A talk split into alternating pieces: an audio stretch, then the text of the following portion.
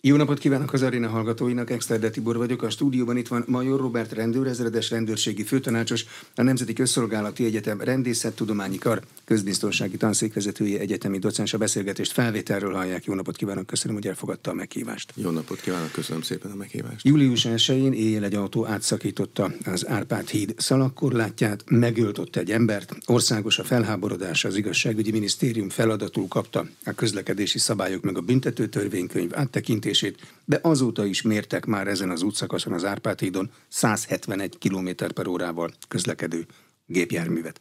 Mennyire alkalmas a jelenlegi szabályrendszerünk egy normálisabb közlekedés létrehozására? Az a helyzet, hogy ha valamilyen nagyon-nagyon csúnya baleset történik, nagyon-nagyon rendkívüli esemény, akkor általában a közvélemény a jogszabályok szigorítását kezdi el követelni. Rosszak a törvényeink, röviden ezt szoktuk így mondani. Van, így Nem van. sújt le. Miközben miközben a jelenlegi jogi környezet megfelelő. Tehát nincs olyan jogszabály ma Magyarországon, hogy az Árpád hídon 100 fölötti sebességgel szabad közlekedni. 70-es tábla 70-es a kanyarban 50-es. Tehát a feladatunk az, hogy a, a meglévő szabályokat tartassuk be a járművezetőkkel. Ugye ennek van egy rendészeti oldala, nyilvánvaló a rendőrségnek ez egy komoly feladata, hogy a, a közlekedési szabályokat betartassa. Ugyanakkor a, a közlekedésbiztonsági helyzet e, problémáit nem szabad a rendőrség nyakába varni. Ez egy össztársadalmi feladat. A, a járművezetők sajnos ma nagy ö, százalékban hát hogy mondjam finoman, tehát nem fogadják el azt, hogy a közlekedés veszélyes üzem, amit általában már az óvodában megtanul mindenki, hogy a közlekedés veszélyes üzem. Igen, ez egy veszélyes üzem. Azaz, felelősség teljesen kell benne részt venni.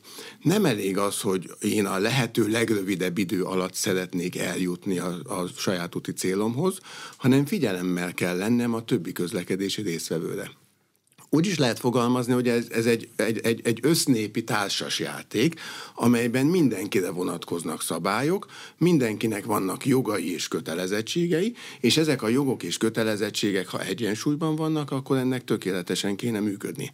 Na most azok a felelőtlen közlekedésben résztvevők, akik semmibe veszik a saját kötelezettségüket, és csak azt gondolják, hogy nekik joguk van, és sem, semmiféle kötelezettségük, azok teremtenek ilyen nagyon-nagyon veszélyes helyzeteket. Azt értem, hogy nem lehet a rendőrségen számon kérni, mert minden méteren nyilvánvalóan nem lehet rendőr, vagy ha azt akarjuk, akkor ennek meg kell fizetni az árát, és rettentő pénzt bele kell tenni, és akkor lesz. De milyen eszközei vannak ma a rendőrnek? Ha egy hónappal a baleset után valaki mer 171-el menni az Árpád hídon, ha csak nem külföldi, nyilvánvalóan hallott arról, hogy mi történt. Ez azt jelenti, hogy nem tart a büntetéstől. Tudja, hogy vagy nem éri el, vagy megúszza, vagy egyszerűen az anyagi helyzete miatt neki az egy vicc. Igen, ennek két oldalát kell megvizsgálni az ilyen kérdéseknek. Egyrészt a, a büntetésnek az elmaradhatatlansága a legnagyobb visszatartó erő. A másik kérdés pedig a büntetés mértéke. De maradjunk egyenlőre az elmaradhatatlanságban. Azaz, a járművezetők fejében tudatosítani kell azt, hogy bárhol és bármikor ellenőrzés alá kerülhetnek, azaz mindenhol és mindenkor meg kell nekik tartani a közúti közlekedés szabályait. E, jelenleg ez nem érvényesül. A rendőrség régóta szeretne eh, hatékonyabb sebességellenőrzési rendszert kiépíteni, nem csak a fővárosban, hanem országosan. Egyelőre erre nem kapott felhatalmazást, ez az úgynevezett section control, azaz a szakaszos sebességellenőrzés. Ausztriában minden nap látjuk, hogy működik. Minden nap Ki van látjuk. írva az autópálya fölé, szakaszos mérés. Így van. Ez az, az, az említett baleseti helyszín, az Árpád híd, egy kiváló helyszín lenne egyébként a hídra fölhajtás, hídról lehajtásnál ellenőrizni a, a járműveket, és a, a technikai eszköz kiszámolja a sebességet. Egyszerű fizika. Távolság megvan, idő megvan. A rendőrség ezt régóta szeretné, nincsen rá felhatalmazás. A másik a, a büntetés mértéke. Jelenleg a 2008-ban a magyar közlekedési jogba bevezetett objektív felelősség elve alapján működő közigazgatási bírsággal sújtandó a sebességtúllépés, és azóta, tehát ez 2008 óta eltelt most már tizen sok év, a büntetési tételeket nem változtatta meg a jogalkotó. Hát ha ma divatos szóval szeretnénk élni, azt lehet mondani, hogy ezek a büntetések elinflálódtak. Egy ilyen értékű autó, ami ebben a balesetben is szerepelt, a, a, ennek a tulajdonosának a 30-45-60 ezer forint vicc kategóriába tartozik, tehát itt is kellene lépnünk. De a büntetőpontok rendszere sem elég visszatartó erő? Az egy idő után, ha felhalmozódik, akkor elveszti a jogosítványát. És ha a híreket pontosan olvastuk, az Árpád hídi eh, baleset eh, hát nem is tudom, hogy balesete, ez majd egy külön kérdés, okozójának már egy rakás büntetőpontja volt. Erre az ő válaszuk az, hogy a személygépkocsi nem vezető engedéllyel, hanem benzinnel működik. Tehát tök mindegy. Aki jogsértő életmódot folytat, annak teljesen mindegy, hogy egyel több jogsértést követ el, egészen addig, amíg nagyon-nagyon komoly szankcióval nem kell számolnia, például szabadságvesztéssel járó büntetéssel, vagy például, amit én már régóta, eh, hát hogy is mondjam, hangoztatok, hogy el kéne gondolkodni a jogalkotónak azon, hogy az ilyen extrém eh, jogsértőknél a magát az elkövetés eszközét, azaz a gépjárművet kobozza el a hatóság. Jó, de a gépjármű nem feltétlenül az elkövető tulajdonában áll. Az lehet bérelt, lehet leasingelt, lehet céges, lehet külföldi, ezer módja van, hogy ki lehessen kerülni ennek a fenyegetését. Nem biztos, mert ez csak egy jogi megoldás kérdése. Elveszük, és majd neki ki kell fizetni. Uh-huh. Ma is elég súlyos büntetési tételei vannak a közúti veszélyeztetésnek. Annak van négy törvényi al esete. A halált okozó az talán tíz évig terjedő szabadságvesztéssel büntethető. Ez sem fenyegetés? Azért a börtönben e, De. pár perc is eléggé kemény. Ez, ez fenyegetés. A, és akkor itt térhetünk vissza arra az előbb említett kérdésre, hogy ez egyáltalán baleset volt-e, vagy pedig valami súlyosabb cselekmény.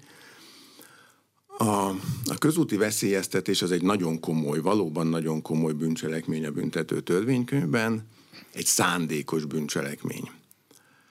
Az viszont vitán felül áll, hogy egyetlen egy balesetező sem úgy indul el otthonról, és ez az Árpád hídi járművezető sem úgy indult el otthonról, hogy ő most balesetet fog okozni. Ne adj Isten, valakit meg akar ölni hanem úgy indult el otthonról, hogy oda szeretne érni az egyik helyről a másikra, az abba beletörődve, hogy ezzel szabályt. Na most az a kérdés, hogy szükség van-e itt valamiféle szigorításra. Ez a halált okozó közúti baleset okozása bűncselekmény, a, aminek minősítik az Árpád hídi esetet, ez öt évig terjedő szabadságvesztéssel büntetendő. De a, a bírói gyakorlat általában a halálos baleseteknél, ha csak nincsen valami nagyon különleges, nagyon súlyos a, az eset mögött, akkor csak felfüggesztett szabadságvesztés büntetést alkalmaz. Ez egy nagyon súlyos büntetés, a felfüggesztett szabadságvesztés, de a, az elkövetőknél ez mégis úgy csapódik le, hogy nem kaptam semmit. Nem megyek börtönbe. Így, így van, mondják, így nem van. baj, mert legalább nem kell bevonulni. Így van, így van. Úgyhogy itt a jelenlegi jogszabályi keretek között is van lehetőség a visszatartó hatás növelése érdekében szigorúbb büntetéseket alkalmazni.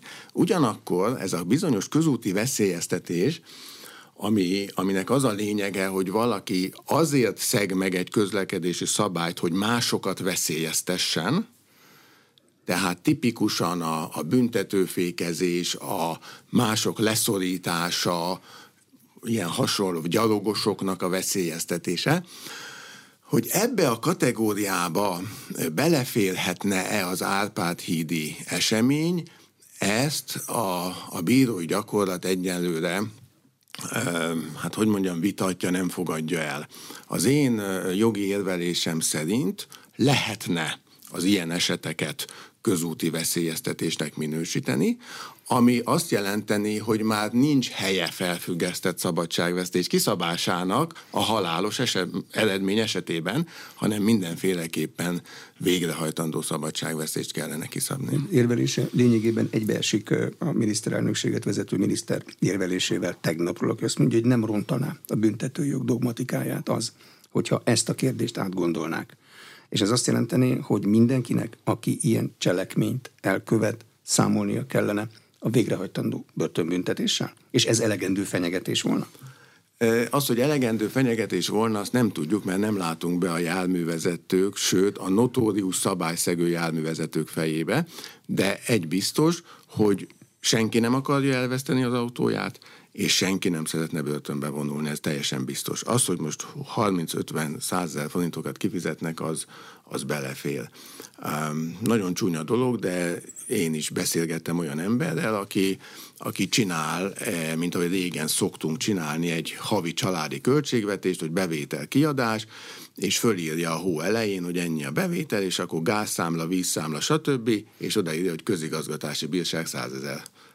Egyszerűen kalkulál vele. Tehát ezekkel e, ilyen büntetési tételekkel nem lehet mit kezdeni. Van a példa a jövedelemarányos büntetésre bárhol e, lenne? Hát a, a, a skandináv államokban ez tipikus. Hiszen a, a magyar e, büntető törvénykönyv is próbálkozik, tehát egy nagyon e, ügyes jogi megoldást találunk a magyar BTK-ban, mert a magyar BTK a pénzbüntetést úgy határozza meg, hogy egyrészt igazodik a cselekmény súlyához, másrészt igazodik a elkövető személyi viszonyaihoz. Ez a napi büntetési tételek Ez a napi tételes rendszer, így van, így van, így van. Ez a napi tételes rendszer. A, a skandináv államokban egyértelműen úgy van benne a BTK-ban, hogy a hány havi jövedelem a büntetés kész, el van intézve.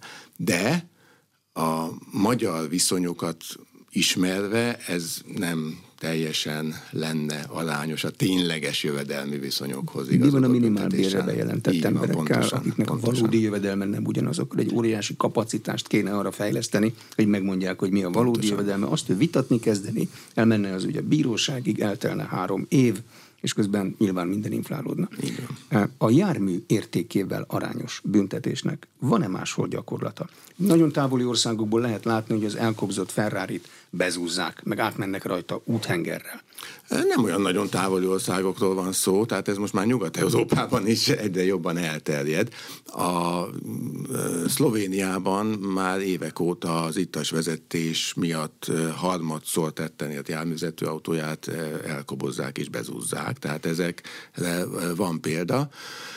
Talán a legutóbb a francia példát lehet említeni, ahol, ahol ilyen intézkedést vezettek be teljesen normális megoldás, csak itt megint följön az a kérdés, hogy mi van, ha nem az övé mhm. az az autó. De Franciaországban most éppen a közúti emberülés büntetőjogi tényállásának bevezetésével kísérleteznek, de ott a nem a büntetési tételeket változtatnák meg, meg a jogdogmatikáját, hanem csak átneveznék a közúti, az ottani közúti veszélyeztetésnek ezt a formáját.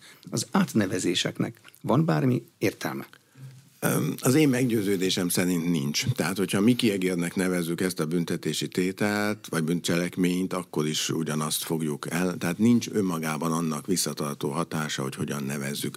A halált okozó közúti veszélyeztetés, vagy a halált eredményező közúti baleset okozása, mint megnevezés, ezt a járművezetők nem olvassák, nem találkoznak vele.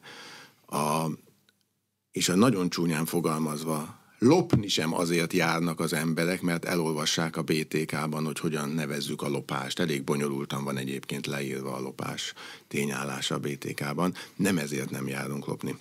Tehát ezért mondtam azt, hogy a, a közlekedési szabályok betartatása, az nem csupán rendészeti feladat, hanem egy össztársadalmi feladat. El kell kezdenünk a a megfelelő életkorban a közlekedési kultúrának az oktatását, a közlekedés biztonságra nevelés programján keresztül, hogy amikor ő már e, gépi meghajtású jármű vezetésével találkozik, addigra már olyan gondolatai legyenek, hogy, hogy átszője a, a teljes közlekedési mindenféle gondolatát, mozgását, mindenét az, hogy itt a biztonság az első. De a mi társadalmunk alkalmas erre. Nekünk most olyan közlekedési miniszterünk van, aki még nem közlekedési miniszter korában, Hódmezővásárhely meg Szeged között lézerblokkolóval közlekedett. És amikor ezt megkérdeztem tőle, azt mondta, hogy tudott róla. Nem kente a sofőrre, tudott róla. Elég magasról kell valószínűleg elkezdeni a morál átalakítását. Igen. És hogyha az előbb említett országok példáját vesszük, más államokban is előfordul, hogy egy miniszter vagy egy magas beosztású valaki sebesség túllépést követel, csak akkor utána bocsánatot kér és befizeti a büntetést, és nem pedig megakadályozzuk a, a szakaszos sebességellenőrzési rendszer kiépítését. De ha szakaszos sebességellenőrzési rendszerünk lenne, az mennyire zárt rendszer? Nyilván kivesszük belőle a rendőröket, ha menni kell neki, menni kell, a tűzoltókat, kivesszük az állami gépjárműveket, de ezeknél kisebbnek tűnik a veszély, mert ezek profi sofőrök ezt gyakorolják, ezt tanulják. Valószínűleg kevesebb szer okoznak balesetet, mint bárki más. Egyrészt profi gépkocsi vezetők, másrészt nem vesszük ki. Nem vesszük nem, ki? Miért vennénk ki? Miért vennénk ki?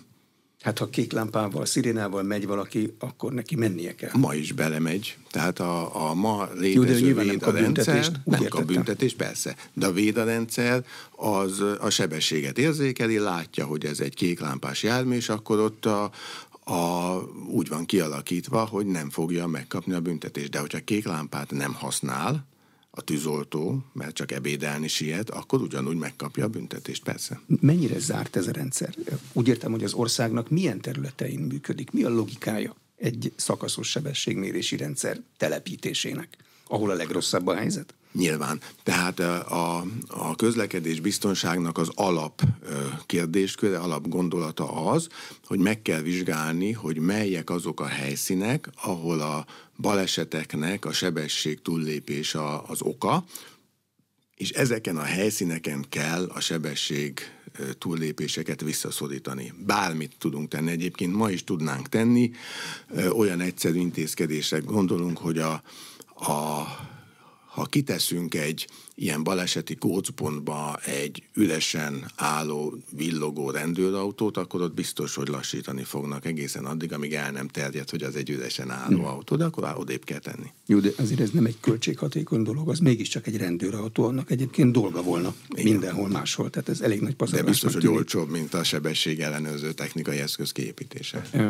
A sebesség ellenőrző technikai eszközök jele, ez hova megy be most? Azért kérdezem, mert vannak olyan országok, vendégünk mesélte, Szingapur, ahol még a civil autókba telepített, gyárilag telepített sebességellenőrző jel is be tud menni egy központba. És ezt mindenki önként vállalja, hogyha ő kimegy a közlekedésbe, akkor a Teslájának a kamerája az bent van a rendszerbe. Hát ilyen nálunk nincsen. A, a rendőrség eh, birtokában lévő sebességelő technikai eszközök, azok online kapcsolatban vannak az adatfeldolgozó központtal. Tehát ma már a, a helyszínen eh, a technikai eszközt kezelő rendőrnek nincs beavatkozási lehetősége a, a rendszerbe. Tehát ilyen szinten ez egy zárt rendszer. Eh, emberi beavatkozás nélkül megy a, a szabad így fogalmaznom, a csekk a, a szabályszegő részére, a közigazgatási bírságról. Honnan lehet tudni, hogy mely szakaszok eh, alkalmasak, vagy veszélyesek abból a szempontból, hogy ott gyorshajtás lesz? Az egyenes szakaszok? A széles szakaszok? A jó minőségű útszakaszok? Igen, ennek, ennek is közlekedés pszichológiai háttere van. Mindig azt mondjuk, hogy rosszak az utak, újítsuk fel, szélesítsük, szebb, jobb burkolattal lássuk el, és akkor biztonságosabb lesz a, a közlekedés. Ott van fogjuk ennek megnyomni. Egy, van ennek egy hátulütője, mégpedig az, hogy pszichológiailag ez úgy működik, hogy ha széles, hosszú, egyenes utakat látunk magunk előtt, akkor az agyunk, a tudat alatt már elkezdi azt mondani nekünk, hogy hát itt lehet gyorsan is haladni, mert itt ez biztonságos, és észesen vesszük, de túllépjük a megengedett sebességet. De itt azért különbséget kell tenni, és visszautalva az Árpád-hídra. Tehát 70 helyett 130-al menni nem lehet véletlenül.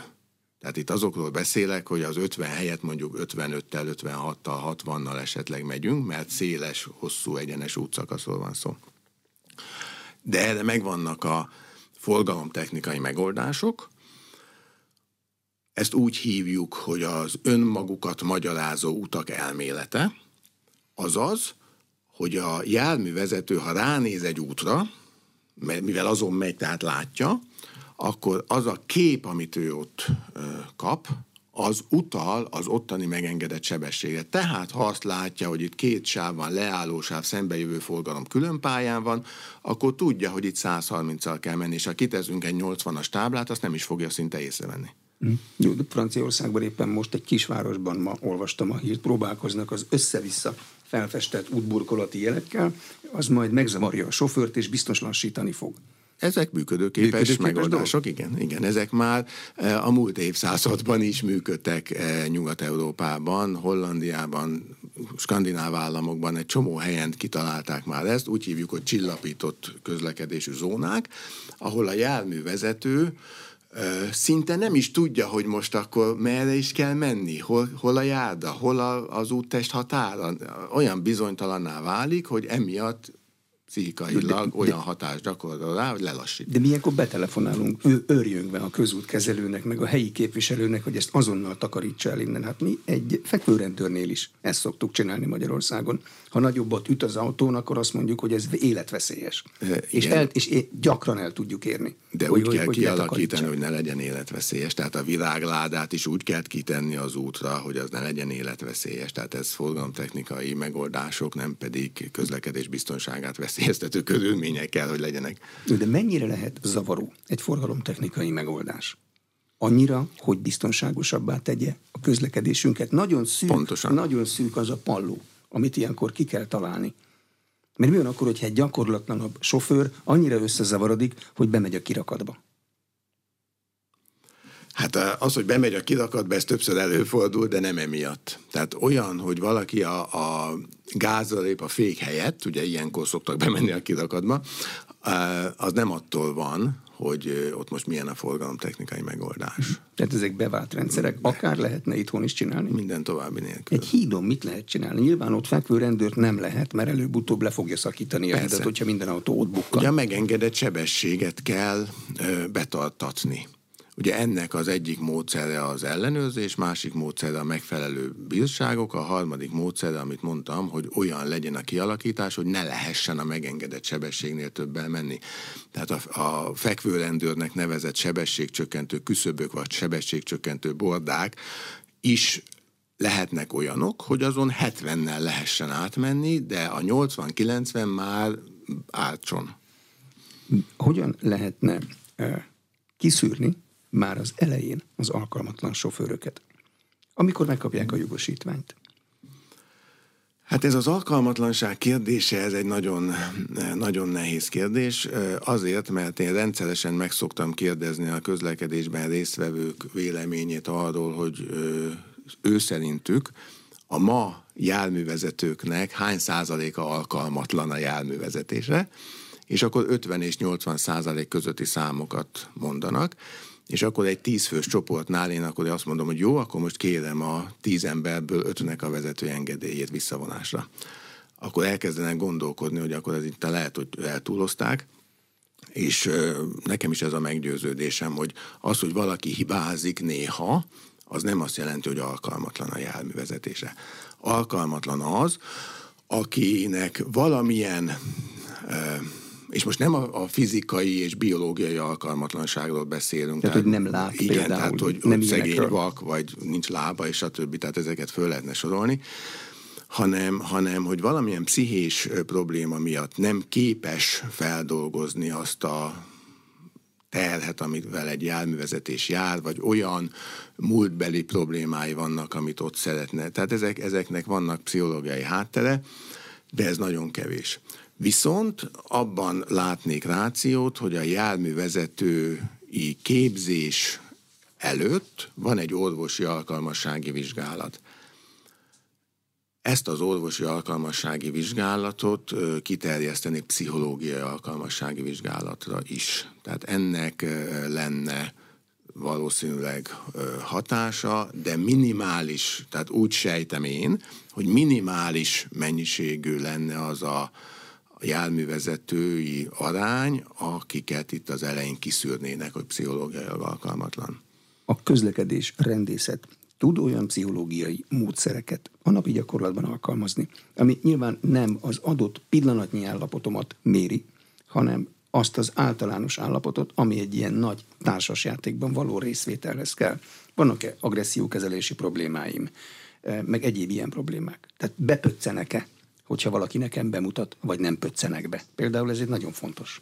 Igen, erre való a, az utánképzési rendszer ma Magyarországon, tehát hogyha valakinek bíróság vagy más hatóság olyan büntetést szab ki, hogy hat hónapnál hosszabb időre szünetel a vezetési jogosultsága, akkor részt kell venni egy ilyen utánképzésen, ahol egy ilyen pszichológiai feltáró vizsgálat zajlik, és megállapítják, hogy van ennek ilyen problémája. Hasonló módon a, a súlyos baleseteket vagy közúti veszélyeztetést elkövetőket a bírósági eljárásban szakértői vizsgálatnak vetik alá, és a pszichológus szakértő megállapítja, hogy van-e ilyen problémája, és azt mondja, hogy igen, akkor a bíróságnak joga van az úgynevezett végleges hatályú járművezetéstől eltiltást alkalmazni. Azaz, kimondja a bíróság a, a pszichológus szakvéleményére hivatkozva, hogy ez az ember em és ez és ez is okoknál fogva alkalmatlan a járművezetésre, és soha többet nem vezethet gépjárművet. Hmm, akkor sem, hogyha ezt a problémáját kezelik. Azért nem minden pszichológiai probléma hát kezelhetetlen. Ez, persze, nyilván. Ezért, ezért, pszichológus ezért van a szakértő, tehát ő megmondja, hogy ez kezelhető, kezelhetetlen. Hmm. De ez a végleges hatályú eltiltás is viszonylag ritkán kerül alkalmazásra, mert azt állapítják meg a szakértők, hogy azért, mert valaki egy tized másodperccel később figyelt oda, és vagy lenyúlt a telefonjához, vagy hátra nézett a gyerekéhez, vagy a GPS-t állítgatta, és későn vette észre az áthaladó gyalogost, és halálra gázolta, ahogy szokták mondani, ezért még ő nem alkalmatlan. Jó, hogy szóba hozta a telefonálás kérdését. Ha az ember kinéz az ablakon, tízből jelentős számú autóban lát vezetés közben, még egyébként mobiltelefonos kommunikációt, csetelést, SMS-ezést lebonyolító embereket. Ez ma egy közlekedési balesetnél egy súlyosbító körülmény? Persze. Persze. Ugye a büntető törvénykönyv úgy fogalmaz, hogy ahhoz, hogy valakit baleset okozásáért el lehessen ítélni, felelősségre lehessen vonni, ahhoz kell olyan közlekedési szabály, amelyet a járművezető megszegett, és emiatt a szabályszegés miatt következett be a baleset. Na most, hogyha több ilyen ö, szabályszegés van, nem adott elsőbséget, sebességet túllépett, és még telefonozott is, akkor ezt a bírói gyakorlat úgy értékeli, hogy többszörös szabályszegés, és ezért súlyosabb lesz a, a büntetése a megadott büntetési tételen belül. Mondjuk példánál maradva a halálos baleset 1-től 5 évig terjed, alapesetben a középértékből kell kiindulni a bírónak, és hogyha azt mondja, hogy még telefonozott is, akkor nyilván az öt felé, azaz fölfelé fog eltérni. Mennyire lehet egy baleset után a járműből adatot visszanyerni. Mert az előbb beszéltünk arról, hogy mobiltelefonozik valaki, ezt csak akkor lehet látni, ha a rendőr éppen meglátja, vagy felmerül erre egy gyanú, elmegy a mobilszolgáltatóhoz, lekéri az adatokat, elég macenásnak tűnik. De az, az Árpád-hídi baleset után a szakértő azt mondta, hogy az autóból ki tud nyerni mindent. Ki volt-e kapcsolva rajta? A biztonsági berendezés mindent lát benne. Igen, hát a korszerű autók azok már, hát már évtizedek óta fedélzeti számítógéppel vannak ellátva, és ezek az eszközök gyakorlatilag mindent rögzítenek. A, az, hogy most kinyelhető-e vagy nem nyelhető ki, ez egy nehéz kérdés, mert ez mindig jogi problémát vet fel, a rendőrségnek nincs erre jogosultsága, hogy ezt kinyerje, a, ez a szakértő kompetenciájába tartozik. Hát a rendőr nem dughatja fel a, a saját nem, számítógépét az autó. Így van, mert ez speciális szakértelem, és a büntető eljárásról szóló törvény ezt a szakértő kompetenciájába utalja. Úgyhogy ezért a, a szakértői vizsgálat nagyon fontos minden egyes közlekedési baleset után. Egyrészt a, a helyszínen talált külső nyomok, tehát a, az úttesten talált nyomok, a szalakorláton, az egyéb tárgyakon talált nyomok meglepően jó információt szolgáltatnak, és a szakértői eljárással meglepően nagy pontossággal meg lehet állapítani például a jármű baleset előtti haladási sebességét, ami nekünk a legfontosabb. Nyilván sokkal egyszerűbb a jármű fedélzeti számítógépéből ezt kiolvasni, mert az pontosan rögzíti ezeket a, az adatokat. A, maga a mobil eszköz használata vagy nem használata is fölveti ezt a problémát, igen, el kell menni a mobil szolgáltatóhoz, és akkor ott a rendőrség le, megkérdezheti, hogy ezt a telefont használták-e akkor, na de melyiket? Uh-huh. Tehát nyilván akkor a járvezető egy olyan számot fog mondani, ami ott volt az autóban szintén, csak nem azzal beszélt. Tehát ezek nehéz kérdések. Ilyenkor magát az eszközt kell lefoglalni, és az eszközből lehet kinyerni az információkat. Uh-huh. Ez is szakértői feladat. A, az eszközből mindent ki lehet nyerni. Tehát azt is, hogy milyen hangerővel, kivel, vagy zenét hallgatott, vagy beszélt, bármit csinált. Ilyenkor egy balesetező autót, vagy az összetört autót, ezt lefoglalják, és olyan körülmények között tárolják. Ha hogy szükséges, a... igen. Tehát nem minden nem balesetet minden? követ szakértői vizsgálat, csak amikor kérdéses az, hogy ö, milyen volt a baleset előtti körülmény, tipikusan a haladási sebesség, vagy volt-e műszaki meghibásodás az autónak hiszen lehet az, hogy azért nem tudott megállni, mert elromlott a fék. Na most ez, hogyha a rendőrség nem foglalja le az autót, és a kórházban magához tér a járművezető, és elmondja, hogy kérem, hát én szabályosan mentem, csak nem működött a fék, akkor már nem tudnánk mit csinálni. Tehát a, ez a lefoglalás, ez úgy néz ki, hogy akkor van lefoglalás, hogyha a járművezető nem tud nyilatkozni a műszaki hiba kérdésében a helyszínen, vagy a kórházban utána, illetőleg akkor, ha a rendőrhatóság szükségesnek tartja a szakértő más irányú bevonását, magyarul, hogy volt-e sebességtúlépésben megnyilvánuló szabályszegés, vagy a jármű valamilyen gyanús mozgása volt ott a baleset előtt, tehát amikor nem egyértelmű a szituáció. Úgy fogalmaz a büntető eljárási törvény, hogy a, a valaminek a megítéléséhez különleges szakértelemre van szükség, akkor szakértőt kell bevonni. Amikor egy jármű egyébként sem kicsi teljesítményét utólag nem gyári beavatkozással megváltoztatják, az milyen körülménynek számít? A járművel akkor lehet részt venni a forgalomban, ezt a Kressz kimondja mindjárt ott az elején, ha megfelel az üzemeltetési műszaki biztonsági feltételeknek, amit egy külön ö, miniszteri rendelet határoz meg. E, hogyha így belepiszkálnak a járműbe, és az megváltoztatja bizonyos tulajdonságait, akkor ezt engedély nélküli átalakításnak nevezi a, a jogrendszer és ilyenkor a rendőrhatóság, pontosabban a helyszínen intézkedő rendőr a forgalmi engedélyt már a helyszínen elveszi, és a rendszámtáblát is elveszi, és innentől kezdve azzal a járművel, amíg újra nem vizsgáztatják, nem lehet részt venni a közúti forgalomban. Csak hogy ez nem látszik. Csak akkor, amikor odalép neki uh-huh. valaki ránézésre, nem, kivéve, ha valaki nagyon amatőr módon egy nagy kájhacsövet rak rá. De ez nem ez a kategória volt állítólag. Nem látszik, vagy nem hallatszik, nem mert hallatszik. ugye néha ott is, ott is van dolog, hogy onnan tudjuk, hogy gyorsulási verseny van, hogy halljuk a szomszéd kerületből is már, hogy ott gyorsulási verseny van. Egyébként a rendőrség erre akciótervet készített, nagyon-nagyon hangsúlyosan kezeli ezeket az illegális gyorsulási versenyeket, intézkedik, megpróbálja megakadályozni, ugye azzal, hogy a közút kezelője felé jelzi, hogy itt ezen a helyszínen ilyen gyorsulási versenyek szoktak lenni. Akkor a közút kezelőjének van lehetősége a már korábban említett forgalomtechnikai eszközök alkalmazására, olyan megoldásokra, hogy azon a helyszínen ne lehessen e, ilyet csinálni, fizikailag megakadályozni, tipikusan a sebességcsökkentő küszöbök kihelyezésével. A másik pedig, hogy egy rendőrségi akciót szerveznek oda, ahol bizony hullanak a forgalmi engedélyek általában. Ez általában megéri? Tehát arra, hogy ö, forgalom, gyorsulási versenyeket rendező gyerekektől begyűjteni a forgalmikat, kell egy rakásrendőr. Az a rakásrendőr az alatt az idő alatt nincs máshol. Nem dolgozik, ott van lehet, Bocsánat, dolgozik. dolgozik.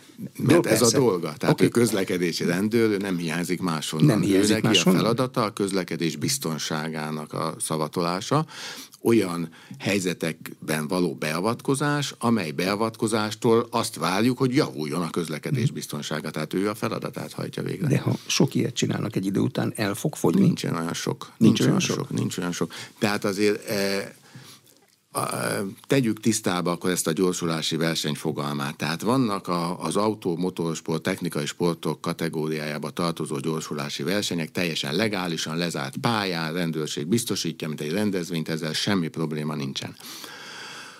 A másik ez az illegális versenyek, amikor összejönnek egy külvárosban, egy áruházi parkolóban valahol, és ott bonyolítanak le ilyen, ilyen versenyeket. Na ez már e, veszélyesebb, de még mindig nem olyan nagyon veszélyes, hiszen ez éjszaka van, kihalt területen, nincsen közlekedési résztvevő, csak saját magukat, meg az őket, e, mondjuk úgy, hogy nézőket veszélyeztetik. Az igazán veszélyes, és nagyon úgy tűnik, hogy ez az Árpád hídi eset is ilyen volt, hogy egyszerűen a, a két nagy teljesítményű autó összetalálkozik a tilos jelzésnél, összekacsintanak, és akkor nyomjuk neki, és próbáljuk meg, hogy ki a gyorsabb. Na ez a legveszélyesebb, hiszen itt a forgalomban résztvevő, minden közlekedési résztvevő szinte veszélybe kerül emiatt a magatartás miatt. És erre a rendőrségnek borzasztó nehéz reagálni, hiszen ezt nem tudjuk előre, nem halljuk, nem tudjuk, sem, semmit nem tudunk róla, hanem bárhol, bármelyik pillanatban kialakulhat.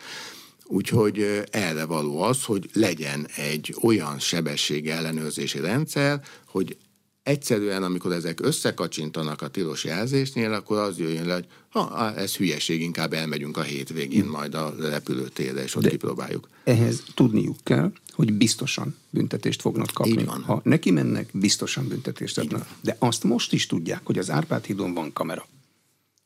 Azt mindenki tudja. Abban nem lehetnek biztosak, hogy büntetést fognak kapni. A, az, hogy van kamera, meg milyen kamera van, az egy, az egy külön dolog. Nagyon sokan összekeverik a, a kamerát a sebességező technikai eszközzel. Nem minden kamera sebességező technikai eszköz egyben. A, azt szeretnénk, hogyha minél több sebességező eszközünk lenne.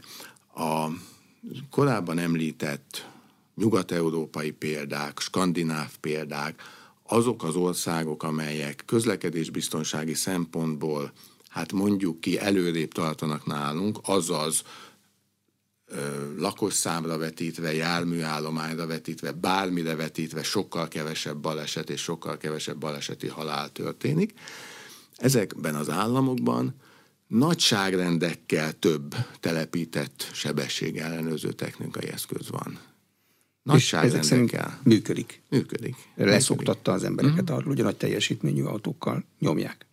E, az minek minősül? Mert a mostani hírek szerint, e, majd aztán a bíróságon nyilván kiderül, hogy ebben az autóban e, ki voltak kapcsolva a menet stabilizáló rendszerek. Ugye ennek van értelme, mert ha az ember hóláncot rak föl, akkor benne van írva a gép könyvébe, hogy kapcsolt ki a menet stabilizálót, mert különben nem fog működni a hólánc. De itt nem volt hó. Ez milyen körülményt vala? Nyilván azért kapcsolja ki, hogy jobban ö, lehessen vele driftálni. Így van. A, a, ez a drifteléses jelenség, ez, ez megint ö, olyan társadalmi nyomás alá tette a rendőrséget, hogy erre is a rendőrség országos szinten kidolgozott egy, egy módszertani megoldást, magyarul a rendőrök el lettek igazítva, hogy a driftelőkkel szemben hogyan kell fellépni. Mert ugye minden driftelő azt mondja, hogy nincs a, nincs a kreszben olyan, hogy nem lehet csikorgó kerekekkel elindulni. Hát de van. De mi az még, hogy a hát, hanghatás? Hát, Vagy nem, zavarja? Ugye ez a kreszben szerepel, hogy másokat nem szabad sem akadályozni, sem zavarni, főleg nem veszélyeztetni. És hogyha én egy, egy körforgalomban driftelve kanyarodom, akkor bizony másokban megbotránkozást keltek, őket zavarom, ez az alapeset. De ha még veszélynek is teszem ki, akkor itt megint fölmerül az, hogy ez a szabályszegés, ez nem véletlen, ez egy szándékos szabályszegés, és ha szándékos szabályszegéssel másokat szándékosan veszélyeztetek, akkor bizony már a közúti veszélyeztetés bűncselekményénél vagyunk.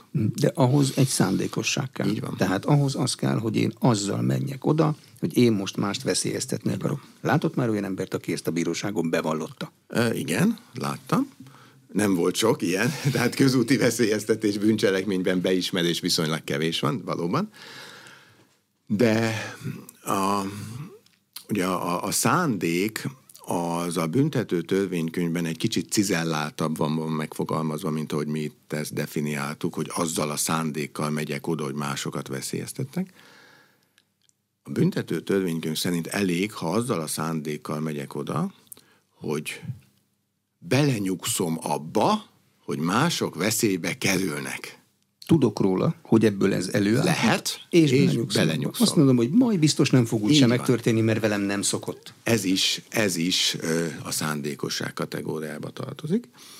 És ebből se sok ö, ö, ügy van, de ugye említettem azt, hogy a, az Árpád-hídi balesetet okozó járművezetőnél is ö, én nagyon hajlanék arra, hogy ne balesetként, hanem közúti veszélyeztetésként kezeljük ezt az ügyet.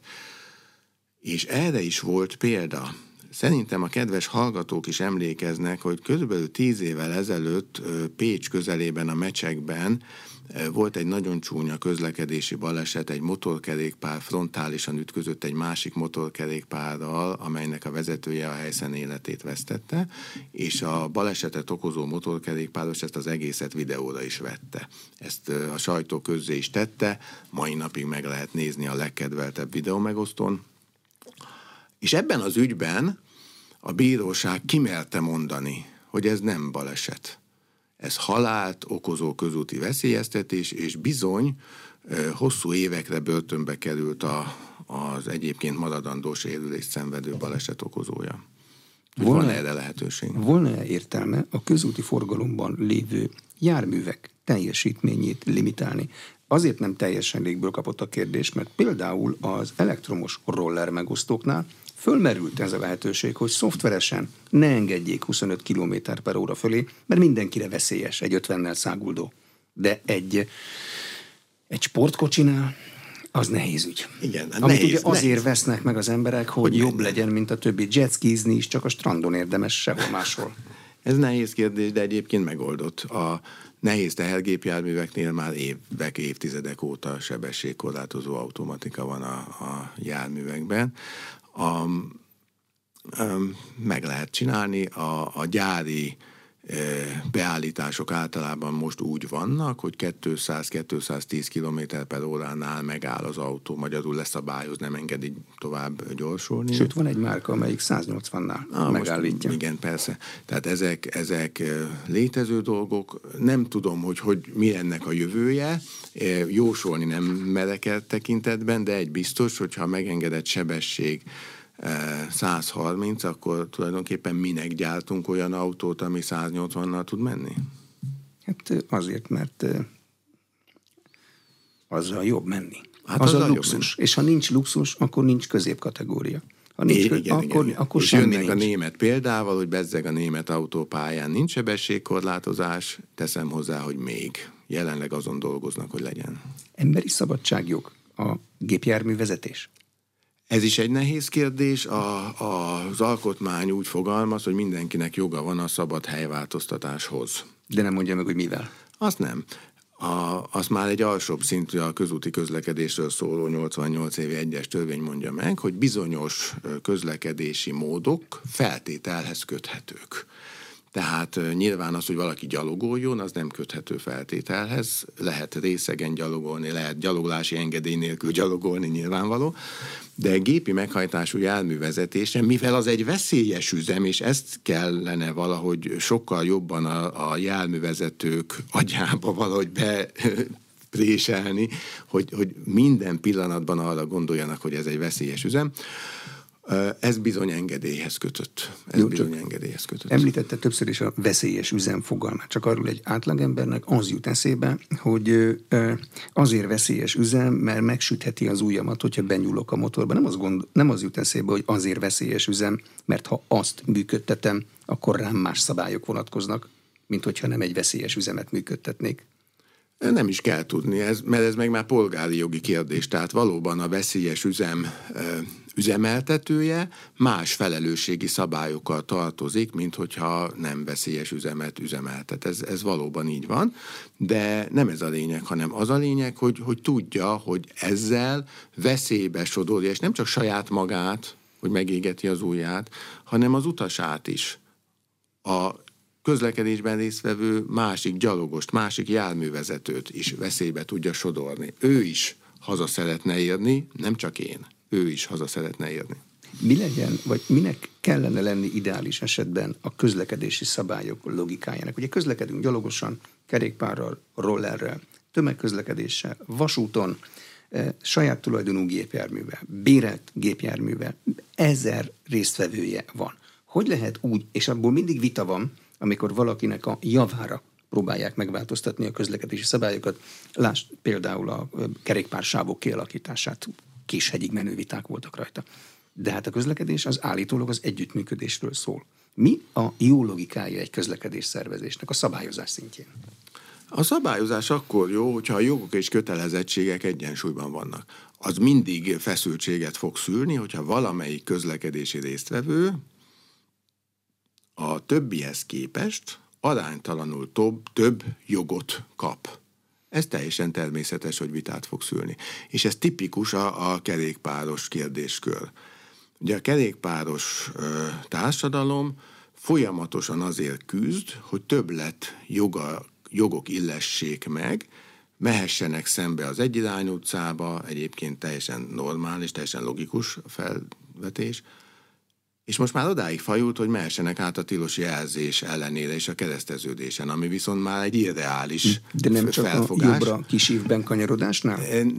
Persze, nyilvánvaló. nyilvánvaló amiben megint csak van logika. Nyilvánvaló, de akkor a gépi meghajtású másik jármű miért nem? Az miért nem? Az miért nem?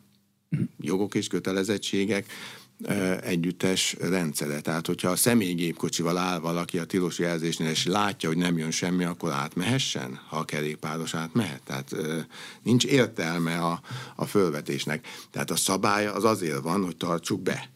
A szabályt azt azért alkották meg, mert annak a szabálynak a betartása az a közlekedés biztonságát szolgálja. És ez meg egy másik fontos alapelv, amit szintén tudomásul kéne venni, hogy minden szabályszegés az egy lépés a baleset irányába. Lehet, hogy ő még ezt nem gondolja át, de belebújik a kis ördög, és ha most nem történt semmi ettől a szabályszegéstől, akkor következőre már egy picit durvább szabályszegést fogok elkövetni, még mindig nem történt semmi, egyre durvább, egyre, és kész a baleset. És a, a kerékpárosok meg ráadásul azt is szeretnék, szeretik hangsúlyozni, hogy ők a, a gyengébb közlekedési résztvevők. Ezért mindenki rájuk vigyázzon. Ő mehessen ott, ahol akar, de a gépi forgalom az folyamatosan arra figyeljen, hogy most a, a sávnak melyik oldalán, honnan jön, mit csinál egy kerékpáros. Nem lehet Nehéz. megoldani világosan kijelölt. Nyilván a, a világegyetem nem tágul olyan mértékben, hogy minden út még egy kerékpársávval is ki tudjon egészülni. De nem lehet úgy megoldani, hogy ezek a konfliktusok viszonylag ritkán adódjanak elő, mert abban van igazság, hogy a biciklis mindjárt vérzik, mert nincsen rajta karosszéria, nyilvánvalóan. Igen, de hát akkor azért elvárható az is, hogy magára is vigyázzon. Tehát a, a erősebb vigyázzon a gyengébbre? Ez a kérdés. A gépi meghajtású jármű úgy közlekedjen, hogy mindig legyen figyelemmel a védtelen közlekedési részvevőre a kerékpárosra? Mert akkor a gépi meghajtású jármű vezetője joggal fogja azt mondani, hogy ő gyengébb a vonatnál. Ugye ez vitán felül áll.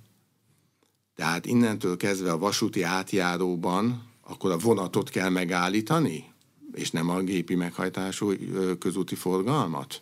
Mert hogy a, az erősebb vigyázon a gyengébbre. Nyilván mhm. nonsens. Hát nyilván nonsens.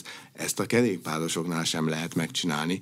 Az, hogy elválasszuk, ez, ez most jelenleg egy olyan irányzat uralkodik, de egyébként a világban is így van, hogy lakott területen kívüli útszakaszokon legyen teljesen külön infrastruktúrája a kerékpáros közlekedésnek, tehát ne a, a gépi járművekkel, gépi meghajtású járművekkel egy pályán haladjanak, mert tényleg nagyon veszélyes. Lakott területen viszont ö, haladhatnak együtt, hiszen ők is járművek, hasonló dinamikai tulajdonságokkal, ha bár ezt ugye a kerékpárosok vitatják, de egyébként tényleg hasonló a dinamikai tulajdonságok, gyorsulás, lassulás, ezek, ezek nem drasztikusan különböznek. De ugye a lakott terület is nagyon sokféle lehet. Vannak lakópihenővezetek 20-as megengedett sebességgel. Ott nyilván ez problémát nem okozhat. A 30-as zónákban problémát nem okozhat a, az 50-es megengedett sebesség és az emelt sebességű útszakaszok, ahol 70-nel lehet menni, ott már megint problémát okozhat, hiszen az inkább már a lakoteten kívüli útnak a tulajdonságait hozza. Nem akarom elbonyolítani az út minőségével ezt a problémát, de azt kerékpárral e, e, vannak nehezen kezelhető helyzetek, az út patka az általában sokkal rosszabb minőségű, mint az út közepe, és ott megoldhatatlan helyzetek is adódnak időnként, de ez tényleg túlbonyolítása volna már. Megint napi renden van a magyarországi alkoholfogyasztási zéró tolerancia szabályok újragondolása a közlekedési minisztériumban. A belügyminisztériumban nincsen napirenden. Borászok nagyon érvelnek mellette, szerintük ez az egészséges és kultúrált borfogyasztást növelni, és mindig felemelnek egy olyan grafikont, amely az alkoholos befolyásoltság alatt elkövetett közlekedési balesetek számának csökkenéséről szól. Mi szól a zéró tolerancia fenntartása mellett, meg mi ellene? Hát mi az, hogy zéró tolerancia, ugye? Mert ez is azt mondják, hogy, hogy nem lehet. Hát nem, a zéró tolerancia azt jelenti, hogy 0,0. Tehát a zéró az zéró. Magyarországon, amióta a világ világ, nem lehet úgy járművet vezetni, hogy valaki előtte szeszes italt fogyasztott. De nem szabad világ, világ. lehetni, lehet. Ez nem szabad, világos. A, ezt az zéró toleranciát oldotta föl a Kressz akkor, amikor a kerékpárosokat ebből a körből kiemelte, és azt mondta, hogy a kerékpárral közlekedők, ők fogyaszthatnak olyan mértékben, ami még nem eh, teszi őket a biztonságos közlekedés alkalmatlanná. Tehát eh, egy ez bizonyos vidékenként szintig, eltérő ez a mennyiség de nincs, nincs meghatározva. Én sokkal szívesebben láttam volna egy olyan rendelkezést, hogy meghatározzuk, hogy mit tudom én 0,25 mg per liter alatt lehet kerékpározni, és akkor egyértelmű lenne a dolog, mert ma ez teljesen szubjektív. De a gépi meghajtású járművek esetében ez amióta a világ világ, azóta a nulla tolerancia elve érvényesül.